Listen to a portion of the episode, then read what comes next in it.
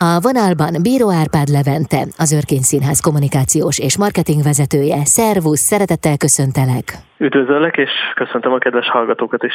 Egy perces novellaíró pályázatot hirdettetek. A tavaly 110 éve született Örkény Istvánt éppen az egyperces novellák tették a groteszk meghatározó művelőjévé. Milyen apropóból indítottátok el épp most a novellaíró pályázatot mindezeken túl?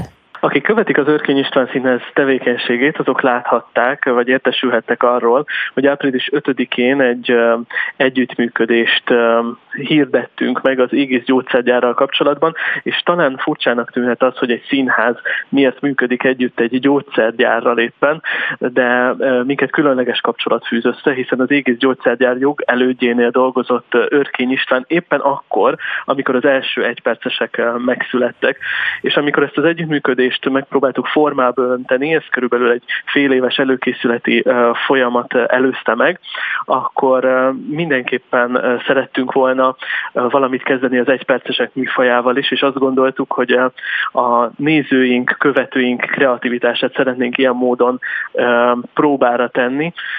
Éppen ezért indítottuk el ezt az egyperces novellaíró pályázatot, és örülünk neki, hogy az Égész gyógyszergyárral közösen tudjuk ezt elindítani. Mi De ráadásul az Égész gyógyszergyár is éppen 110 éves. Éppen ezt akartam mondani. Mi tavaly ünnepeltük névadónknak a 110, te 110. évfordulóját a névadónk születésének, az Égész gyógyszergyár pedig idén ünnepli fennállásának 110. évfordulóját. Na jó, hát egy év. Így van, így van, és ezt azért eh, szeretném elmondani, hogy ez nem egy új együttműködés, hiszen már régóta, régóta követjük egymásnak a tevékenységét. Eh, ennek a kapcsolatnak eh, már korábban, egy korábbi évforduló kapcsán is volt ilyen megtestesülése, vagy valamiféle együttműködés közöttünk, és hát ezt a fonalat vettük fel újra ebben az évadban, és nagyon örülünk annak, hogy számos más program mellett ezt az egyperces novellaíró pályázatot is meghirdethettük, és azt kell, hogy mondjam, hogy már érkeznek a pályázatok. Ez egészen bájos, tehát, hogy gyógyszergyár és színház közös pályázatot hirdet, tehát nem is tudom, hogy mit mondjak erre, és ráadásul, hogy ilyen sok azonos pont van, ugye örkény végzettsége is eredetileg gyógyszerész vegyészmérnök. Így van, ennek kapcsán került a Szilenciuma évei alatt az, az Égész gyógyszergyárba, az Egyesült Gyógyszer és Tápszergyárba, ez volt a neve akkor az Égész gyógyszergyárnak, és az az igazság, hogy így az együttműködés előkészítése kapcsán kicsit bővebben is elmerültünk Örkény István és a gyógyszergyár kapcsolatában, illetve viszonyrendszerében, és azt tapasztalhattuk, illetve azok, akik ellátogatnak hozzánk és megnézik a kis kamarakiállítást, kiállításunkat, amelyet az együttműködés kapcsán avattunk április 5-én, azok láthatják, hogy a gyógyszergyán igencsak megengedő volt Örkény Istvánnal kapcsolatban, már korán felismerték az ő tehetségét, és teret adtak annak, hogy az irodalmi tevékenységével is foglalkozhasson. Hát így születtek meg ebben az időszakban a legismertebb művei. Uh-huh. És öröm volt hallani az előbb, hogy mondtad, hogy már is érkeztek alkotások, de mik a feltételek, hiszen ugye még bőven van idő ha már 110, 110. évfordulóra van szó, akkor olyan pályázatot találtunk ki, ahol 110 szavas alkotásokkal lehet jelentkezni. Egy perceseket várunk örkény szellemében, az örkényi groteszk, ironikus világlátás szellemében, és nem kikötés, de ajánljuk, hogy esetleg az egészség témájához kapcsolódóan szülessenek meg ezek a pályamunkák.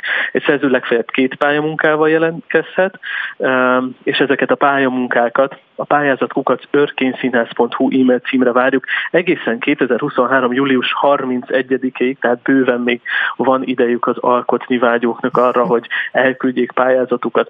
A jelige az, um, a pályázat az jeligés, a jeligék feloldását azt az Örkény Színház címére várjuk, és az eredmény hirdetésre pedig 2023 őszén kerül sor, várhatóan az Örkény kert időpontjában, ez szeptember 9-én lesz idén. Egy fő több művel is pályázhat?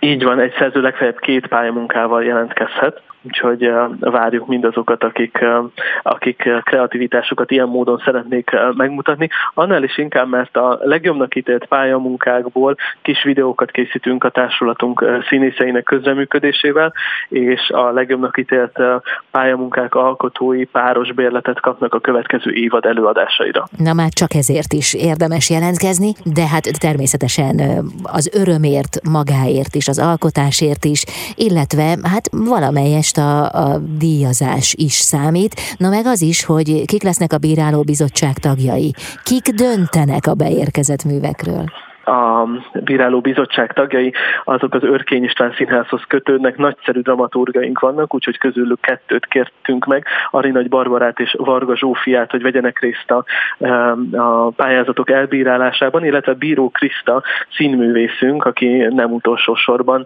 íróként is ismert, őt is megkértük, hogy vegyen részt a zsűrizés folyamatában, úgyhogy július 31-től az övék a pálya, és hát reméljük, hogy sok pályamunka érkezik, és elég munkát adunk nekik, hogy kiválaszták a lehető legjobb pályamunkákat. Most egy kicsit megszaladt a fantáziám. Még akár az is lehet, hogy olyan tehetségre leltek, aki mondjuk a későbbiek során ír nektek akár hosszabb darabokat is, tehát ki tudja? Hát ezt egy egypercesből nem biztos, hogy meg tudjuk ítélni, hogy valakinek olyan írói tehetsége van, hogy az egy, egy egész estés drámát is meg tudjon írni. Minden esetre um, nyitva hagytuk azt a kérdést, hogy mi lesz a sorsa vagy a jövője ezeknek a pályamunkáknak.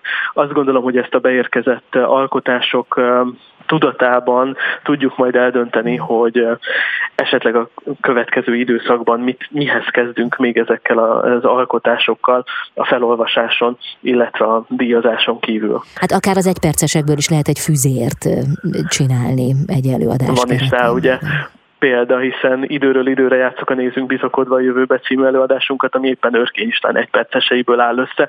Nyitva hagytuk ezt a e, kérdést, és e, nagyon reméljük, hogy, e, hogy olyan pályaművek születnek, amik minket is próbára tesznek, hogy hogyan lehet minden nagyobb közönségnek megmutatni őket. És legyen minél több pályamű, a határidő tehát július 31-e, úgyhogy az egész tavaszi nyári időszakot lehet azzal tölteni, hogy az ember töri a fejét, hogy mit írjon nektek. Például, nem? Már is megvan a terv. Abszolút várjuk a pályamunkákat, és hát reméljük, hogy minél jobb pályamunkák olvasásával töltjük majd mi is a nyarat. Ezt kívánom nektek, köszönöm szépen. Köszönjük szépen. Bíró Árpád Levente volt a vendégem, az Örkény Színház kommunikációs és marketingvezetője itt az Intermedzóban.